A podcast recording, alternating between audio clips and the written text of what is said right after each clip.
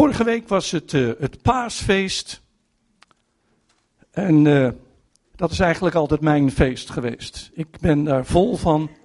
Kerst is leuk, gezellig, allerlei dingetjes waar de meeste mensen erg veel van houden.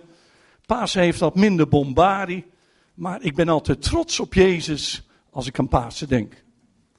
En uh, omdat wat vorig jaar met mijn leven gebeurd is, dat ik toen meer dan een half uur dood geweest ben, heeft me opnieuw um, er diep bewust van gemaakt. Wat is het belangrijk om hiermee bezig te zijn. En uh, jaren geleden heeft iemand een keer geprofiteerd dat ik uh, een boek zou uh, schrijven. Nou, ik, de laatste tijd komt dat steeds meer in mijn hart over, over dit onderwerp. Om daar wat over te gaan schrijven. Want het is iets waar we allemaal mee geconfronteerd worden. Dus ook vanmorgen wil ik daar wat over zeggen. Als eerste wil ik gaan lezen uit Jesaja 25. Jesaja 25.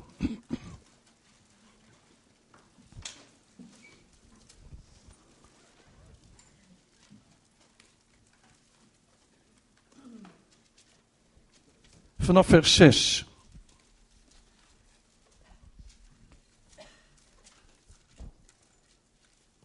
En de Heere der scharen zal op deze berg voor alle volken een feestmaal van vette spijzen aanrichten. Een feestmaal van belegen wijnen, van mergrijke vette spijzen, van gezuiverde belegen wijnen. En hij zal op deze berg de sluier vernietigen die alle natie omsluiert. En de bedekking waarmee de alle volken bedekt zijn. Hij zal voor eeuwig de dood vernietigen. En de Heere Heere zal de tranen van alle gezichten afwissen. En de smaad van zijn volk zal hij van de gele aarde verwijderen, want de Heer heeft gesproken. En men zal te dien dagen zeggen, zie, deze is onze God van wie we hoopten dat hij ons zou verlossen. Dit is de Heere op wie we hoopten. Laten we juichen en ons verblijden over de verlossing die hij geeft. En dan uit Hebreeën 2,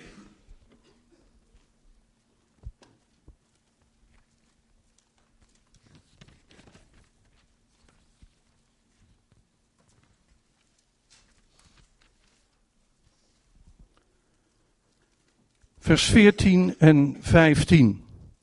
Daar nu de kinderen aan bloed en vlees deel hebben, heeft ook hij op gelijke wijze daar een deel gekregen. Opdat hij door zijn dood hem die de macht over de dood had, de duivel, zou onttronen. En alle zou bevrijden die gedurende hun ganse leven door angst voor de dood tot slavernij gedoemd waren. Want over de engelen ontfermt hij zich niet.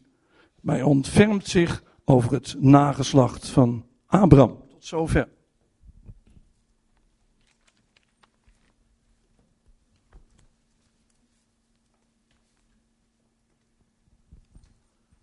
Ik weet niet of je al het volgende plaatje gaat. De grote vraag als we het met elkaar over de dood hebben is eigenlijk, is nou de dood een vriend of een vijand? Als je Jezaja leest, eh, een paar hoofdstukken verder, wordt er gesproken over mensen die een verbond met de dood sluiten. Dus dat zijn mensen die zeggen, dood, je bent mijn vriend. Of iemand dat nou hardop zegt of niet, maar iemand die zelf een einde aan zijn eigen leven maakt, zegt eigenlijk, dood, je bent mijn vriend. Maar is dat een vriend? Vorig jaar op dezelfde dag dat ik in eh, Rotterdam eh, afscheid nam, werd ik s'avonds na het feest werd ik gebeld door een neefje van me. En die vertelde dat mijn jongste broer overleden was. En die had al dagen had hij in zijn bloed gelegen in zijn huis terwijl hij dood was. Dat was nogal wat. En op zaterdag was een uh, crematie. En op zijn kist er stond zijn borrelglaasje, zijn flesje bier, zijn checkie. En dat was alles. Nou, dat raakte me diep. Ik had eigenlijk dood moeten zijn. En ik leefde. En de broer waarvan ik het meeste zou gunnen dat hij het leven zou krijgen, dan was hij het. Daarom is de dood nou een vriend of is het nou een vijand? Alleen als we er met elkaar over hebben, niemand ontkomt eraan dat hij met de dood geconfronteerd wordt. Allemaal. En daarom hou ik van het hoofdstuk waar geprofiteerd wordt, volgens het plaatje graag, dat de sluier die alle volken omsluiert, dat vernietigd gaat worden. Zo wordt de dood genoemd. De dood is als een sluier. Nou, in veel volkeren is het zo, als je verdriet hebt, dan neem je een sluier. Wij zijn onbeschaamd. Bij ons moet alles gezien worden. Zelfs onze koningin zitten we te kijken of ze een traan wegpinkt. Maar eigenlijk hoort het helemaal niet. Want een sluier is juist dat het bedekt wordt. Verdriet is niet altijd iets in al zijn intimiteit wat vraagt dat iedereen het ziet en kijkt en of je wel verdriet hebt of niet, hoe het allemaal zit. Maar het is een sluier die alle volkeren bedekt.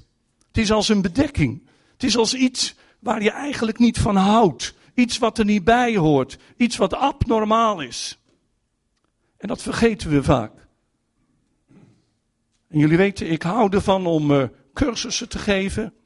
En ik heb ongelooflijk veel cursussen gegeven. En dat doe ik nog altijd. Nu ook in Nehemia weer. Maar is heel wonderlijk. Ik heb nog nooit een cursus gegeven. Hoe kan ik me op de dood voorbereiden? En eigenlijk is dat heel erg belangrijk. Want vorig jaar heb je mijn leven gezien. Het kan zomaar van de ene dag op de andere dag kan het afgelopen zijn. Dus het verdriet is als een sluier, als een bedekking die over je ligt. Als een stuk smaad. Weet je, dood hoort er niet bij. Dood is oneer. Dood is eigenlijk een belediging. Dood is iets, ja, wat er gewoon niet bij hoort. Het volgende plaatje. Daarom is het goed met elkaar te beseffen, de dood is abnormaal. Als christen hebben wij geleerd, elk moeilijk ding, dat manoeuvreren we weg. Voor elk moeilijk ding hebben we wel een positieve reden. En dat is goed. Maar ondertussen moeten we oppassen dat we kromme dingen niet recht gaan praten. En we moeten oppassen dat dingen die gewoon abnormaal zijn, dat we niet net gaan doen. Ja, nou ja, oké. Oké, je gaat dood. Ja, ja, allemaal. Maar weet je, het is zo abnormaal. Want de kern van dood is dat uiteenvalt wat bij elkaar past. Kijk, God en de mens horen bij elkaar. Als een mens zijn eigen gang gaat, tegen God inkiest, kiest hij voor de dood. Hij heeft nog wel steeds zijn lichaam, maar er komt scheiding tussen hem en God. Als een mens lichamelijk sterft, dan komt er scheiding tussen zijn innerlijk en zijn lichaam. Eigenlijk hoort dat bij elkaar, maar het wordt uit elkaar gerukt. Openbaringen praat over de tweede dood. En daar wordt de mens voor altijd uit elkaar gerukt van God losgekoppeld, weg van zijn aangezicht en ook nog eens een keer wat de rest betreft. En het afschuwelijke van de dood is, man en vrouw die bij elkaar worden, worden los van elkaar gescheurd. Een vader en moeder die bij een kind horen. En een kind wat bij zijn vader en moeder hoort. Wordt losgescheurd van elkaar. En dat is ook de dood. De dood is scheiding aanbrengen tussen dingen die bij elkaar behoren. Dingen die er zijn om tot zijn bestemming te komen. Want ik heb een poos geleden hier gesproken, twee keer over. Alles heeft God zijn bestemming mee. Het boek Wijsheid zegt zo mooi. U weet dat de apocryfe boeken niet altijd in alle dingen allemaal dingen zeggen die eigenlijk in overeenstemming zijn met de kanon, zoals we dat noemen. Maar in de, kanonie, in de apocryfe boeken staan ongelooflijke mooie dingen. Die aansluiten. En de boek Wijsheid zegt daarom ook, de dood is niet door God bedacht. De dood is niet door God gemaakt. Want onze God heeft ons gemaakt om te leven. Kijk, een klein babytje wat in de schoot van de moeder opgroeit, is niet bestemd om in de baarmoeder al te sterven. Het is bestemd om te leven. En natuurlijk is het geweldig dat het leven niet afgelopen is en dat zo'n klein babytje, dat het naar de Heer toe gaat. Maar je kunt daarmee niet zeggen, dat moet je er ook niet van gaan maken, dat zo'n kind tot zijn bestemming is gekomen. Want de mens is bedoeld om te leven. God is de eeuwig levende en wij zijn bestemd om te leven en niet om dood te gaan. Het volgende plaatje. Vaak praten we over de dood alsof het alleen maar een verschijnsel is. Maar de dood is een persoon. Ik geloof dat in Spreuken, anders in een ander Bijbelboek, dat er staat dat de dood is onverzadigbaar. De dood wordt voorgesteld als iemand die iedereen opeet. Er valt niet aan te ontkomen. Het is als een dictator waar je allemaal mee te maken krijgt. En Job 18 noemt de dood de koning van de verschrikkingen. Dus de dood is een persoon. En nou snap je ook als Hebreeën praat over dat wij bang zijn om dood te gaan van nature. En ga me nou niet vertellen dat u de enige bent bij wie dit niet zo is. Maar ieder mens is van nature, wat zichzelf betreft, bang om dood te gaan. En waarom is dat? Omdat er een persoon is waar je mee geconfronteerd wordt. Stel je voor dat jij een bokser bent en je moet boksen tegen iemand waar nog nooit iemand van gewonnen hebt. Nou, dan kan ik me voorstellen dat jij zegt, oh ga lekker van die man winnen. Nee, dat zeg je niet, want als die iedereen verslagen heeft, ben je bang voor die bokser. Nou, zo is wat de Bijbel ook zegt, omdat de dood een persoon is die iedereen versloeg, waren alle mensen bang. En iedereen had ermee te maken. Het volgende plaatje. En daarom komen we ook de dood op allerlei manieren tegen. En uh, dat is wel een gek plaatje, maar de dood is ook gek. Het hoort er gewoon niet bij. Het is gewoon abnormaal. Kijk, we hoorden net dat onze zuster van de Heide op 93-jarige leeftijd overleden is. Lang alle mensen worden geen 93. En niet iedereen die 93 wordt, wordt 93 op een manier die we allemaal gewenst zouden hebben. Sommige kinderen komen geneens levend op de aarde. Ik heb samen een keer met, uh, met Thea een, uh, meegemaakt dat er een, uh, een, vrouw een drieling had. En tijdens de zwangerschap bleek al dat dat ene kindje, het had geen nieren. En eigenlijk werd ook geadviseerd om dat weg te halen. Maar de ouders hadden toen gezegd, nee dat willen we niet, wij willen dat het ter wereld komt. En het heeft nog heel kort geleefd. En we hebben dat kindje gezien. Het lag in een mandje. En toen hebben we de begrafenis daar geleid. Aangrijpend. Dat vind je nooit normaal, want dat kind is niet om dood te gaan. Dat kind is er om te leven. En dat je als ouders, ook al heb je de drie, want dan kan een ander makkelijk zeggen, je hebt er nog twee over. Ja, ja. Maar het gaat over een mens. Wie gedood? Dramatisch gewoon. Tegenwoordig lezen we er niet zoveel meer over. Maar regelmatig gebeurt het. Dat een kind zomaar van de ene moment het andere moment dood in de wieg wordt gevonden. Mensen die het leven niet aankunnen, zelf een mensenleven laten weghalen. En ik weet uit ervaring, niemand komt er ooit meer los van. Nou, wat hebben we de afgelopen tijd niet veel gezien? Dat vliegtuig wat zomaar verdwenen is in het water. Of die veerboot waar die, die Koreanen zomaar omgekomen zijn. Jonge mensen. Aangrijpend. En ik weet dat, ik ben met Thea in de Filipijnen geweest. En als je daar op veerboten gaat, moet je echt van tevoren bidden. Want uh, dat is nou niet bepaald waar je zegt, nou hier voel ik me rustig. En dit is veilig. En zo zijn er zoveel dingen. Ziekte. Niemand kan uitkiezen hoe die sterft. Maar de een sterft door een ernstige ziekte, wat we hier hebben meegemaakt. Verschrikkelijk gewoon. Daar wen je nooit aan. Daarom de dood heeft vele gezichten. En de bedoeling van de dood is, zegt Job 18, dat hij naar de dood toe drijft. dus ziekte, rampen, ongelukken, ongevallen, allemaal drijven ze naar een vroegtijdige dood, omdat de duivel niet wil dat je tot je bestemming komt. Dus we moeten het kwaad niet goed gaan noemen. En dat valt me op dat in veel theologieën goed en kwaad gewoon op één hoop gegooid wordt. Maar dat moet je niet doen. wat er niet bij hoort en wat oorspronkelijk door God zo nooit bedoeld is, moet je niet op zichzelf goed genoeg. Het volgende plaatje. En dan komt voor onszelf de realiteit. Het moment dat ik doodga, is vorig jaar niet geweest. Maar één ding is zeker, jullie horen een keer dat ik werkelijk overleden ben. Misschien geloof je het in het begin niet, maar het is echt waar. Dat gaat een keer gebeuren. En dat is belangrijk. En dat geldt voor oud en het geldt voor jong. Oude mensen moeten sterven, heb ik altijd gezegd. En jonge mensen kunnen sterven. En daar moet je niet bang voor zijn. Maar dat betekent gewoon, je moet niet leven alsof het jou niet kan overkomen. Want voor een kind van God is het zo.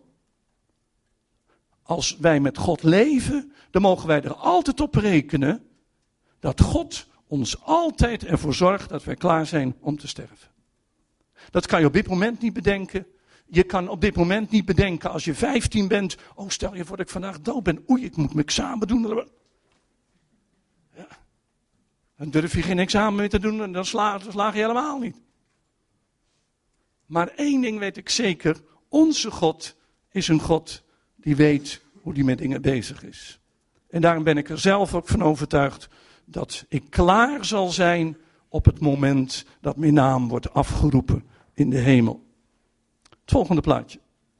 En dan praat Hebreeën 2 over angst voor de dood. En dan valt me op, de meeste mensen praten daar niet over. Maar het is goed om jezelf eens af te vragen: ben ik bang om dood te gaan? Kijk, want dood is gewoon gek. Het onbekende blijft idioot. En de grote vraag is natuurlijk: wat komt erna? is het nou echt waar? Of hebben christenen gewoon een aantal fabeltjes bedacht? En het valt me op dat ook gelovig en ongelovig iedereen ermee bezig is. En zelfs grote schrijvers die zeggen dat er niks doet, is gewoon niet waar. Iedereen is op enige wijze daarmee bezig. Omdat we bang zijn om dood te gaan. Het volgende plaatje. Toen ik vorig jaar in het ziekenhuis lig, uh, lag, heeft uh, Danielle nog met een, uh, met een telefoon, heeft ze nog even een foto gemaakt. Toen ik in, in het ziekenhuis lag. En heel veel mensen hebben naar mij gevraagd van, wat heb jij nou in die tussentijd ervaren?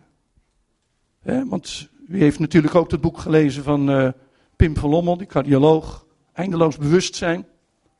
Wat heb jij nou ervaren? Nou, ik weet er helemaal niks meer van. En daar ben ik ontzaglijk blij mee.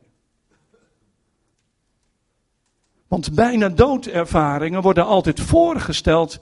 Ja, doodgaan is helemaal niet erg, joh. Het is geweldig, je ziet een groot licht en het komt altijd goed. Zelfs de meest goddeloze zondaar, het komt gewoon goed, want je ziet een eindeloos licht. Maar is dat zo? Kun je zo met elkaar praten? Kun je zo ermee omgaan? Het volgende plaatje. Niemand weet hoe oud je wordt. Ik lees een paar keer in de Bijbel dat God mensen erop voorbereidt dat ze gaan sterven en dat ze weten dat het eraan komt. Het volgende plaatje. Maar het meest waardeloze van de dood is, doodgaan moet je alleen. Hoeveel je ook van elkaar houdt, als vader en moeder van je kinderen, kinderen van je ouders. Hè? Want er wordt ook altijd gezegd, ja, als je vader en moeder oud zijn, nou maar weet je dat ik het gek vind dat ik geen vader en moeder meer heb? Want iedere mens heeft gewoon een vader en moeder normaal gesproken.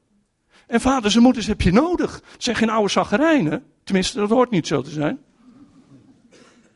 Zijn geen mensen waar, waar, je, waar je gauw vanaf moet komen. Maar ieder mens heeft gewoon ouders nodig. En het is zo gek om geen ouders meer te hebben. Want de mens heeft gewoon ouders nodig. Dat snappen wij in Nederland niet. Maar er zijn heel veel volkeren waar men het veel beter snapt. De ouderen, dat zijn niet de mensen die in een bejaardentehuis opbergen. Maar dat zijn de mensen die wijsheid in het leven geleerd hebben. Daar wil je van leren. Daar wil je toch nog wel eens een keer mee praten. Omdat je benieuwd bent.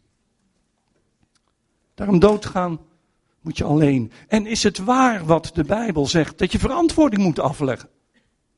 Is het waar dat als je sterft, en of dat nu meteen is of in een later stadium, daar, daar wil ik nu niks over zeggen, maar Het is wel waar dat de Bijbel zegt. En je moet niet al die teksten uit zijn verband gaan rukken. Er staat heel duidelijk dat iedereen verantwoording af zal moeten leggen van wat hij gedaan heeft. Het is goed, het is kwaad. En je moet achterlaten. Als je als ouders je kinderen achter moet laten, is het niet eenvoudig. Dat je moet loslaten. Hoe komt dit ooit goed? Nou, en dan zegt Jezaja 25 zo mooi. Op deze berg, op de berg waar God regeert, waar God zich openbaart, waar Hij de baas is, dan gaat de sluier, die gaat vernietigd worden. Volgende plaatje. Die gaat de sluier, die gaat vernietigd worden. En het gebeurt bij alle volkeren. Wij zijn zo gewend alleen maar aan onszelf te denken. Maar als je de hele Bijbel van Genesis 1 tot Openbaring 22 leest, dan zie je, er zit een lijn in de Bijbel. En die lijn moet je vasthouden. Want herstel is niet alleen dat het goed komt met jou, maar God wil de hele schepping overal bij betrekken. En niet alleen het volk Israël en niet alleen de gemeente Bethel, maar hij wil dat alle naties, dat de sluier vernietigd gaat worden. En daarom kan ik me voorstellen, als Jezaja dit profeteert, dat mensen denken, was het maar waar. Was het moment maar gekomen. Want een sluier had met rouw te maken. Volgende plaatje. Dan wordt er gezegd dat hij de tranen van onze ogen zal afwissen. Wat een verdriet als iemand sterft waar je van houdt. En dat is de reden waarom ik van deze profetie houd, omdat hij iets profeteert over waar wij als mens eigenlijk niet aan kunnen wennen. En er wordt er nog iets genoemd, de smaad. Weet je wat de grootste smaad is? Dat er niet meer aan je gedacht wordt. Dat er niet meer over je gepraat wordt. Het is idioot als iemand overleden is, dat je er gewoon niet meer over praat. En dat merken bij veel mensen. Maar het is een smaad dat er niet meer over je gepraat wordt. Dat niet meer aan je gedacht wordt. Want je bent een mens. Niet op aarde meer leeft. Maar daarmee is leven niet over.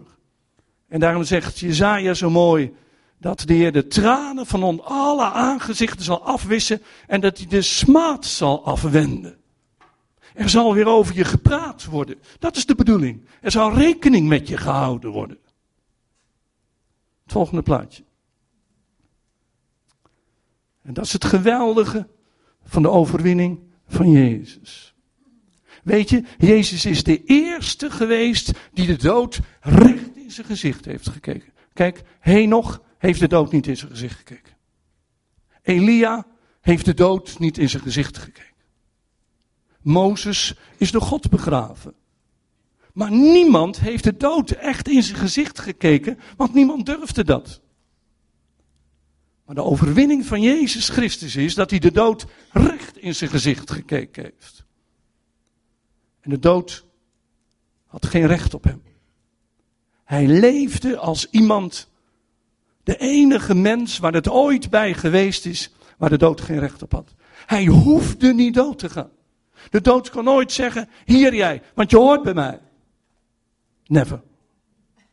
Jezus was de zoon van de levende God. De zoon des mens. Hij leefde. Het volgende plaatje. En weet je wat het mooie bij Jezus is? Jezus deed alles volgens Gods plan. Jezus stierf op het juiste moment. Geen minuut te vroeg, geen minuut te laat. Er gebeuren wel eens dingen waar wij van zeggen van, had het nou niet anders kunnen zijn? Of had die vrachtwagen nou niet de andere kant op kunnen gaan of een minuut later kunnen komen? Ja. Maar Jezus stierf op het juiste moment. Jezus stierf op de juiste manier. Verschrikkelijk. Maar dat was nodig om voor onze zonde te sterven. Jezus stierf voor het juiste doel. Jezus stierf met de juiste houding en met de juiste toewijding. Het hele leven van Jezus was tot eer van God. Maar Jezus stierf zoals hij leefde. Hij stierf naar de wil van God. In elk facet van zijn leven. En daarom kwam hij als een overwinnaar het dodenrijk binnen. En als de duivel geweten had wat hij voor elkaar gemaakt had met de dood van Jezus, dan had hij Jezus nooit laten kruisen. Maar dat is nou bij de duivel, die weet gewoon niet alles. Die moet altijd proefondervindelijk achter dingen komen en dan vist hij alweer achter het net. Maar God weet alle dingen. En dat is de reden ook dat Jezus Christus als een overwinnaar het dodenrijk binnenkwam.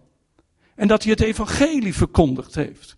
Dat hij de mensen uit het Oude Testament, het Oude Verbond, die bang waren, die gewoon tijdelijk in het dodenrijk zaten. Alleen ze wisten, ik moet een keer eruit komen. Maar als je ergens 2000 jaar zit, is 2000 jaar lang hoor. Maar zelfs als je eeuwig bent, zelfs als je vanuit een andere gezindheid bent. En het geweldige is Matthäus 27, die zegt dat als bewijs van de opstanding van Jezus, dat er een paar, een aantal, dat die uit de graven opstonden. Ja, dat lijkt me echt super. Dan loop je op straat en denk je, hé? Dacht mijn oma al lang 300 jaar dood was? Dan loop je oma daar. Dat is echt waar. De Bijbel zegt in Matthäus 27 niet wie het geweest zijn. Of het David geweest is. De bofkonte, ik weet het niet. Staat er niet bij. Maar er staat wel dat zij in de heilige stad kwamen. Dat moet je niet vergeestelijken, dat is echt gebeurd. Want we hebben veel te veel dingen vergeestelijkt. Maar je moet dingen niet vergeestelijken. De overwinning van Jezus Christus is niet alleen geestelijk, die is op elk terrein van het leven. En Jezus Christus heeft laten zien de geweldige overwinning van het Koninkrijk Gods. En u weet, ik heb wel eens verteld over het evangelie van Nicodemus, een apocryf evangelie, waar geweldig in staat wat er gebeurt als Jezus in de dodenrij komt, maar dat duurt nou te ver. Het duurt nou te lang. Het volgende plaatje. Handelingen 2 zegt zo mooi, de dood kon Jezus niet vasthouden. De dood heeft geprobeerd om Jezus, net als iedereen, in het dodenrijk te houden. Ze probeerden hem vast te houden. Het was nog nooit iemand gelukt om zomaar uit de dood weg te lopen. Maar Jezus was vol van de Heilige Geest. En door de kracht van de Heilige Geest liep hij zo uit het rijk van de dood, liep hij weg. Het volgende plaatje. En daarom roept hij uit, ik heb de sleutels van dood en dodenrijk. Weet je dat ik daar zo blij mee ben? Nog een ongeluk, nog een ramp, nog een ernstige ziekte. Bepaald bij een kind van God wat er met hem gebeurt als hij sterft. Maar Jezus zegt, ik heb de sleutels van dood en dodenrijk. Ik ben de baas erover. Nou, en dat zorgt ervoor dat alles in een heel ander perspectief komt te staan. Hij bepaalt ons leven. Hij bepaalt ons sterven.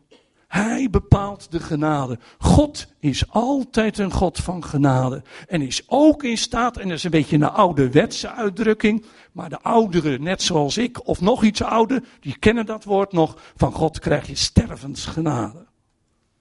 Nou, dat vind ik wel, toch wel een ouderwets, maar wel een mooi woord. De Heer geeft dat.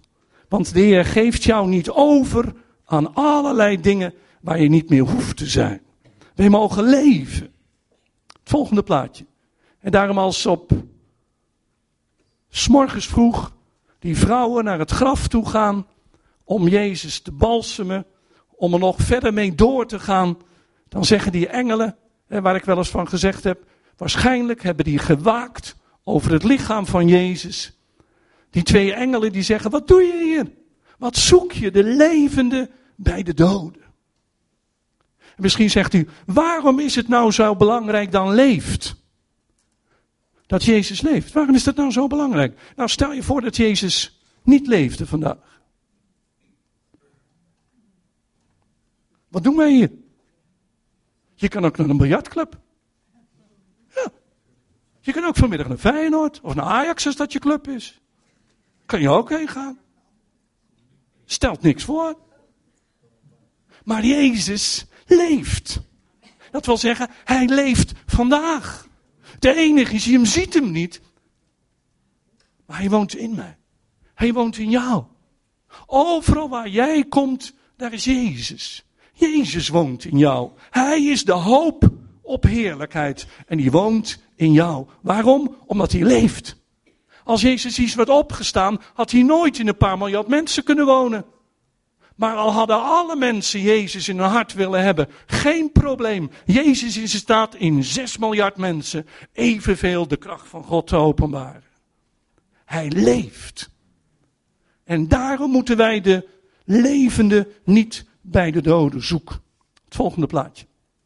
1 Timoth, of 2 Timotheus 1 zegt daarom zo mooi dat Jezus de dood vernietigd heeft. Eén vertaling zegt afgeschaft heeft. Een andere vertaling heeft de dood verslonden. En in Jesaja 25 heb ik opgezocht dat woord wat daar gebruikt wordt,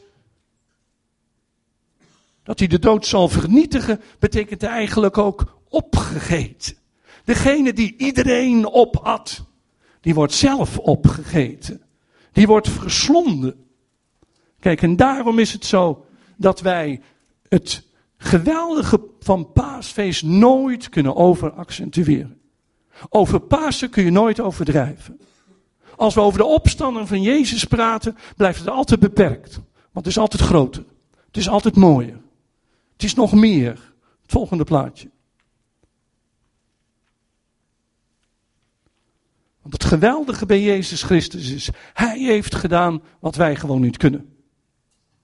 Toen Jezus opstond uit de doden, stond hij in één keer geestelijk en lichamelijk. Op hetzelfde moment stond hij op.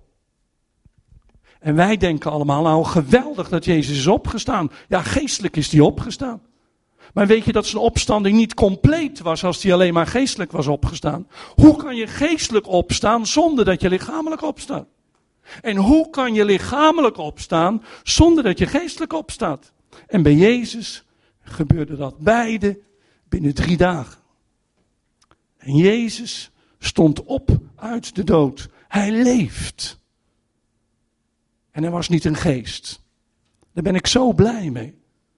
Ik ben al jaren dat ik dacht, jongens, wat hebben ze me voor de gek gehouden? Alles was geest. Maar Jezus was niet een geest. Jezus zegt, geef me eens wat te eten, dan zie je dat ik echt een mens ben. Hij had wel een lichaam op een ander niveau.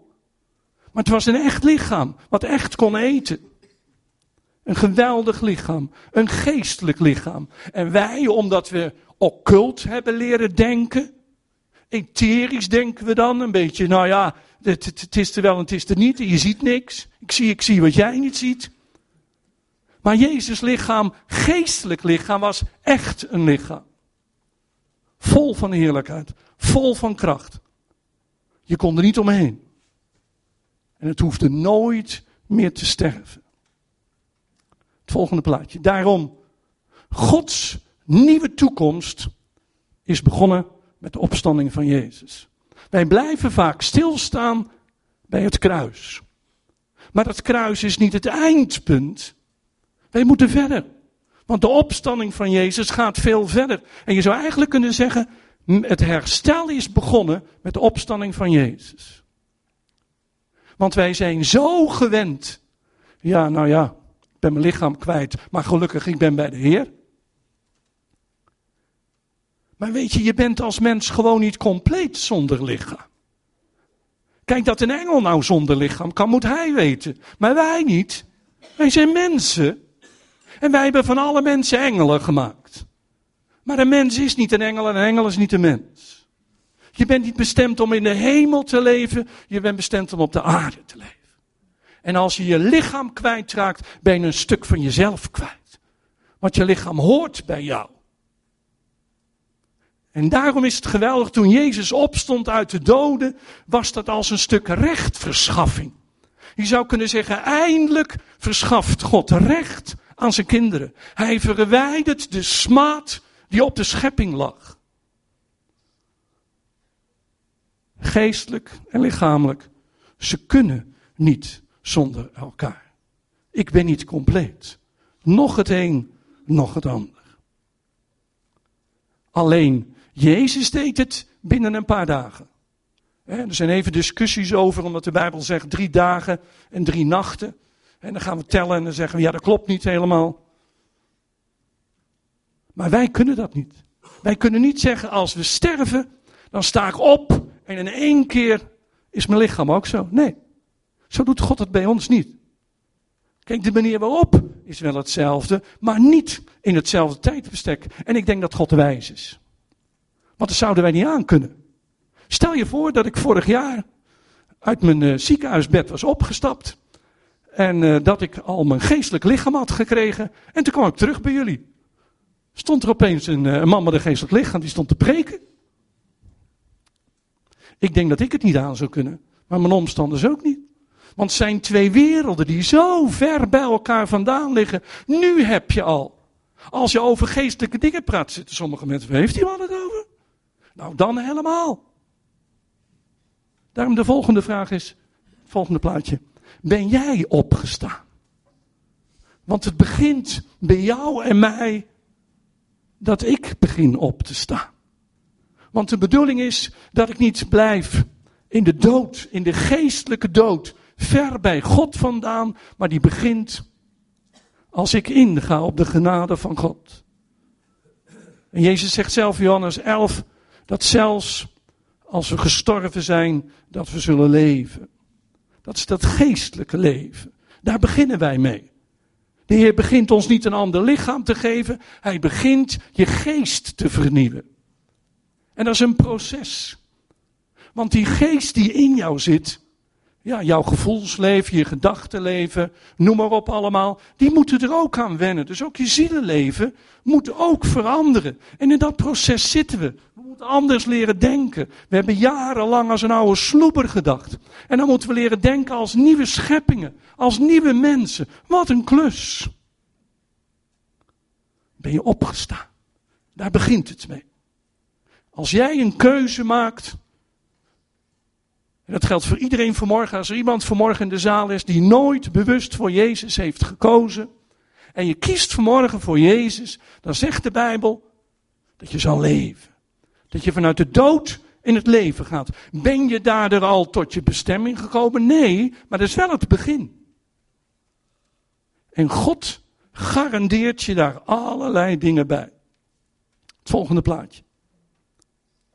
En opeens ging er een wereld van me open, want in Jezaja 25, hè, daar wordt toen in die tijd zongen ze ook al, kijk maar in vers 1 ook al, een danklied voor de bevrijding. En in vers 9, zie deze is onze God van wie we hoopten dat hij ons zou verlossen. Dit is de Heer op wie wij hoopten. Wat is dat nou? En toen las ik in handelingen, overal in handelingen, als over de hoop gepraat wordt, wordt over de opstanding gepraat. En een van de hoofdstukken, uh, handeling 28, wordt de opstanding genoemd, de hoop van Israël. Dus als hier gezongen wordt, dit is de God waarop wij hoopten, waarop we vertrouwden, die we verwachten. Wat verwachten ze? De opstanding. Dat was de hoop van Israël. Weet je, een Jood is niet dat hij blij is als hij alleen maar geestelijk is opgestaan. Want wat is het als je alleen maar geestelijk bent opgestaan? Dat is niet je eindbestemming. En iedereen heeft gezegd dat we voor altijd in de hemel zijn. En dat zingen we dan ook. Eindelijk zijn we thuis. Wat bedoelen we daarmee? Dat is tijdelijk. Geweldig. God bergt ons weg. Hij verbergt ons. Wij zijn met Christus in God geborgen. Helemaal waar. Maar dat is niet het eindpunt. De hoop van Israël was de opstanding. Het volgende plaatje. En wij hebben van de opstanding gemaakt. Nou ja, het zal een keer zover zijn. Ja, dan ben ik bij de Heer. En dan ben ik voor altijd bij de Heer. Maar dat was niet de hoop van Israël. Is vandaag de dag nog precies hetzelfde. Bij een Jood is het niet van je bent klaar als je bij de Heer bent. Nee, je bent hier voor de hemel uiteindelijk bestemd. Je bent voor de aarde bestemd. Alleen we zijn zo geïnspireerd door allerlei eindtijdtheorieën dat we alles vergeestelijken. Maar het geweldige is, dit is de God op wie wij hoopt. En dat zeg ik ook vaak op begrafenissen. En sommigen die weten dat, waar ik bij een begrafenis bij geweest ben. Ik zeg altijd, jongens, we zaaien.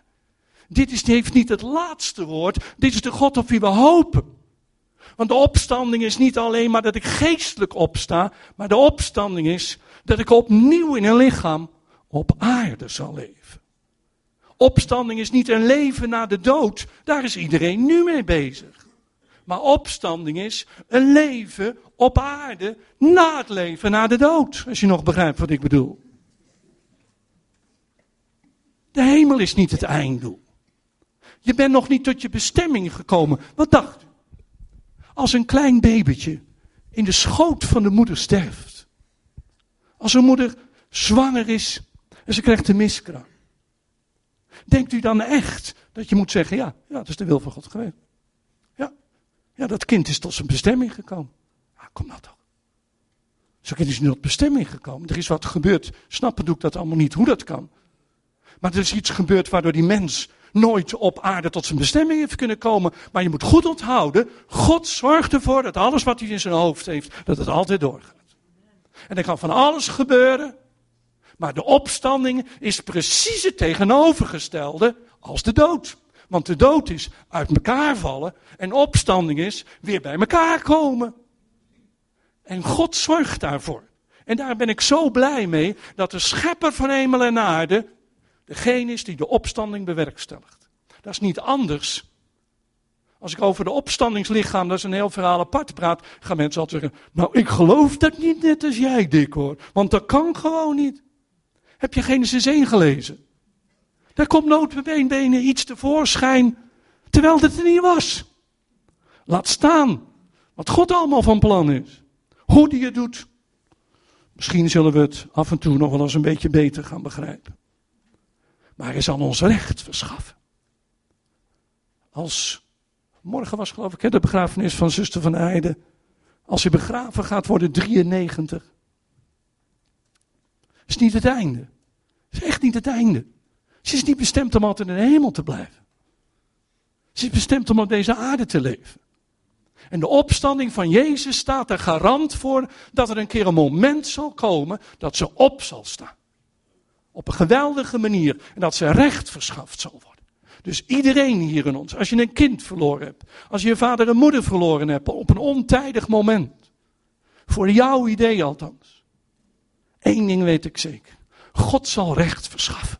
De duivel heeft nooit het laatste woord. De opstanding. Want Jezus was de eersteling en wij zullen volgen. Onthoud het maar. Mocht je me ooit nog een keer tegenkomen, dan zeg je, oh ja, dat waar, heeft hij nog een keer gepreekt. Ja, reken maar van yes. Misschien een beetje anders, maar het feit zelf wel. Volgende plaatje. En dan zegt de Bijbel dat wij een geestelijk lichaam krijgen. En wat is nou een geestelijk lichaam? Is dat een geest? Nee, een geestelijk lichaam, is een echt lichaam. We hebben nu een zielslichaam. Het Griek zegt psychikos. En psychikos, ziels, betekent dat het verband houdt met het natuurlijke leven. Maar als wij opstaan uit de doden, en of dat nou is als Jezus terugkomt, of op een ander moment, of dat ik nog op aarde ben als Jezus terugkomt, waar we in een punt destijds veranderd worden, we krijgen een geestelijk lichaam. Een lichaam wat geleid wordt door de Heilige Geest.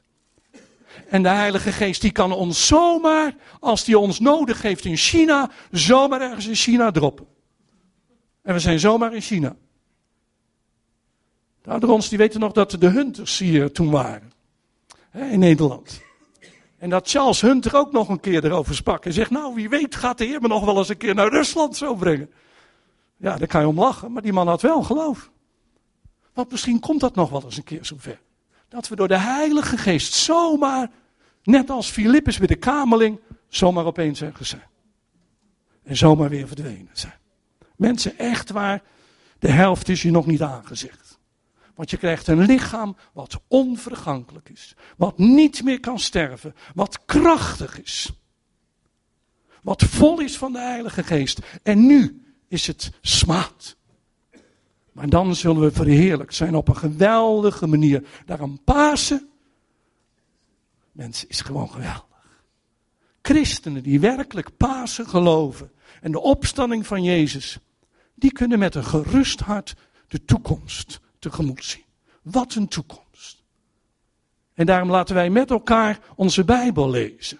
Het valt me op dat de huidige generatie nauwelijks in zijn Bijbel leest. En ze zeggen allemaal dat ze dat op een telefoon doen. Ik zal geen camera plaatsen. Maar lees in je Bijbel. Er staat meer over dit soort dingen dan je ooit denkt. En ga er niet fantaseren. Maar zeg, Heer, open mijn oog. Want tot slot, Jezaja zei het al. Kijk maar in Jezaja 26.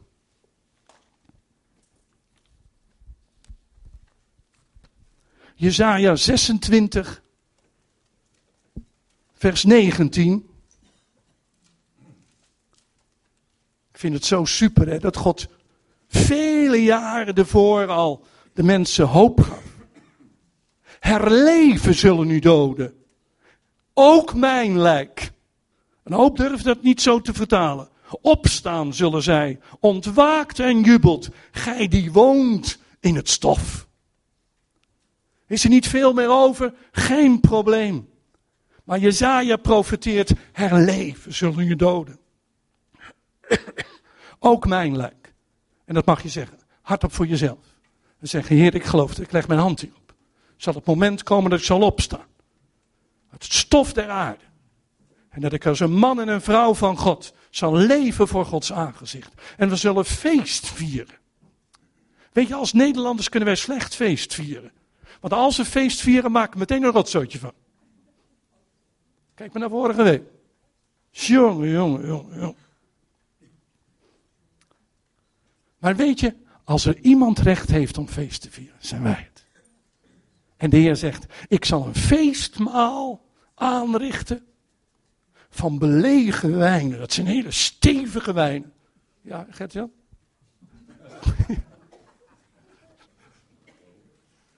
Dat wordt met een feestman.